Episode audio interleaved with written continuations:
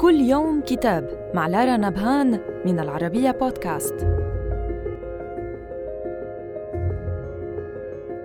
نتناول اليوم كتاب الخطابات القبطية المبكرة للباحث في المعهد الفرنسي للدراسات الشرقية الدكتور أحمد نقشارة. يتضمن الكتاب أشكال الخطابات القبطية المبكرة وصيغها التي تنتمي إلى الفترة ما بين القرنين الرابع والسادس الميلاديين. وبلغ عددها 192 خطاباً. تعد هذه الخطابات وسواها وثائق اجتماعية وثقافية ودينية وتوجد ضمن عدد من الأرشيفات القبطية جنوب مصر.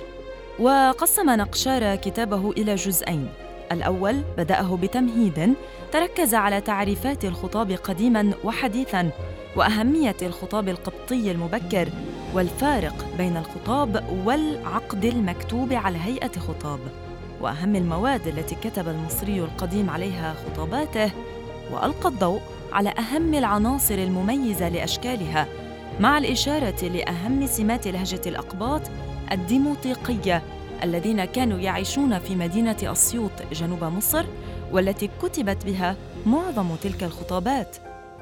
وفي الجزء الثاني تناول الباحث صيغ تلك الخطابات من خلال تمهيد يدور حول تعريف مصطلح صيغة ثم قام بعد ذلك بحصر وتحليل كل صيغة وتوضيح أهم عناصر التشابه والاختلاف بين الصيغة القبطية والصيغ المشابهة في الخطابات الأقدم والمعاصرة والتي تضمنتها الرسائل المصرية القديمة والديموطيقيه واليونانية.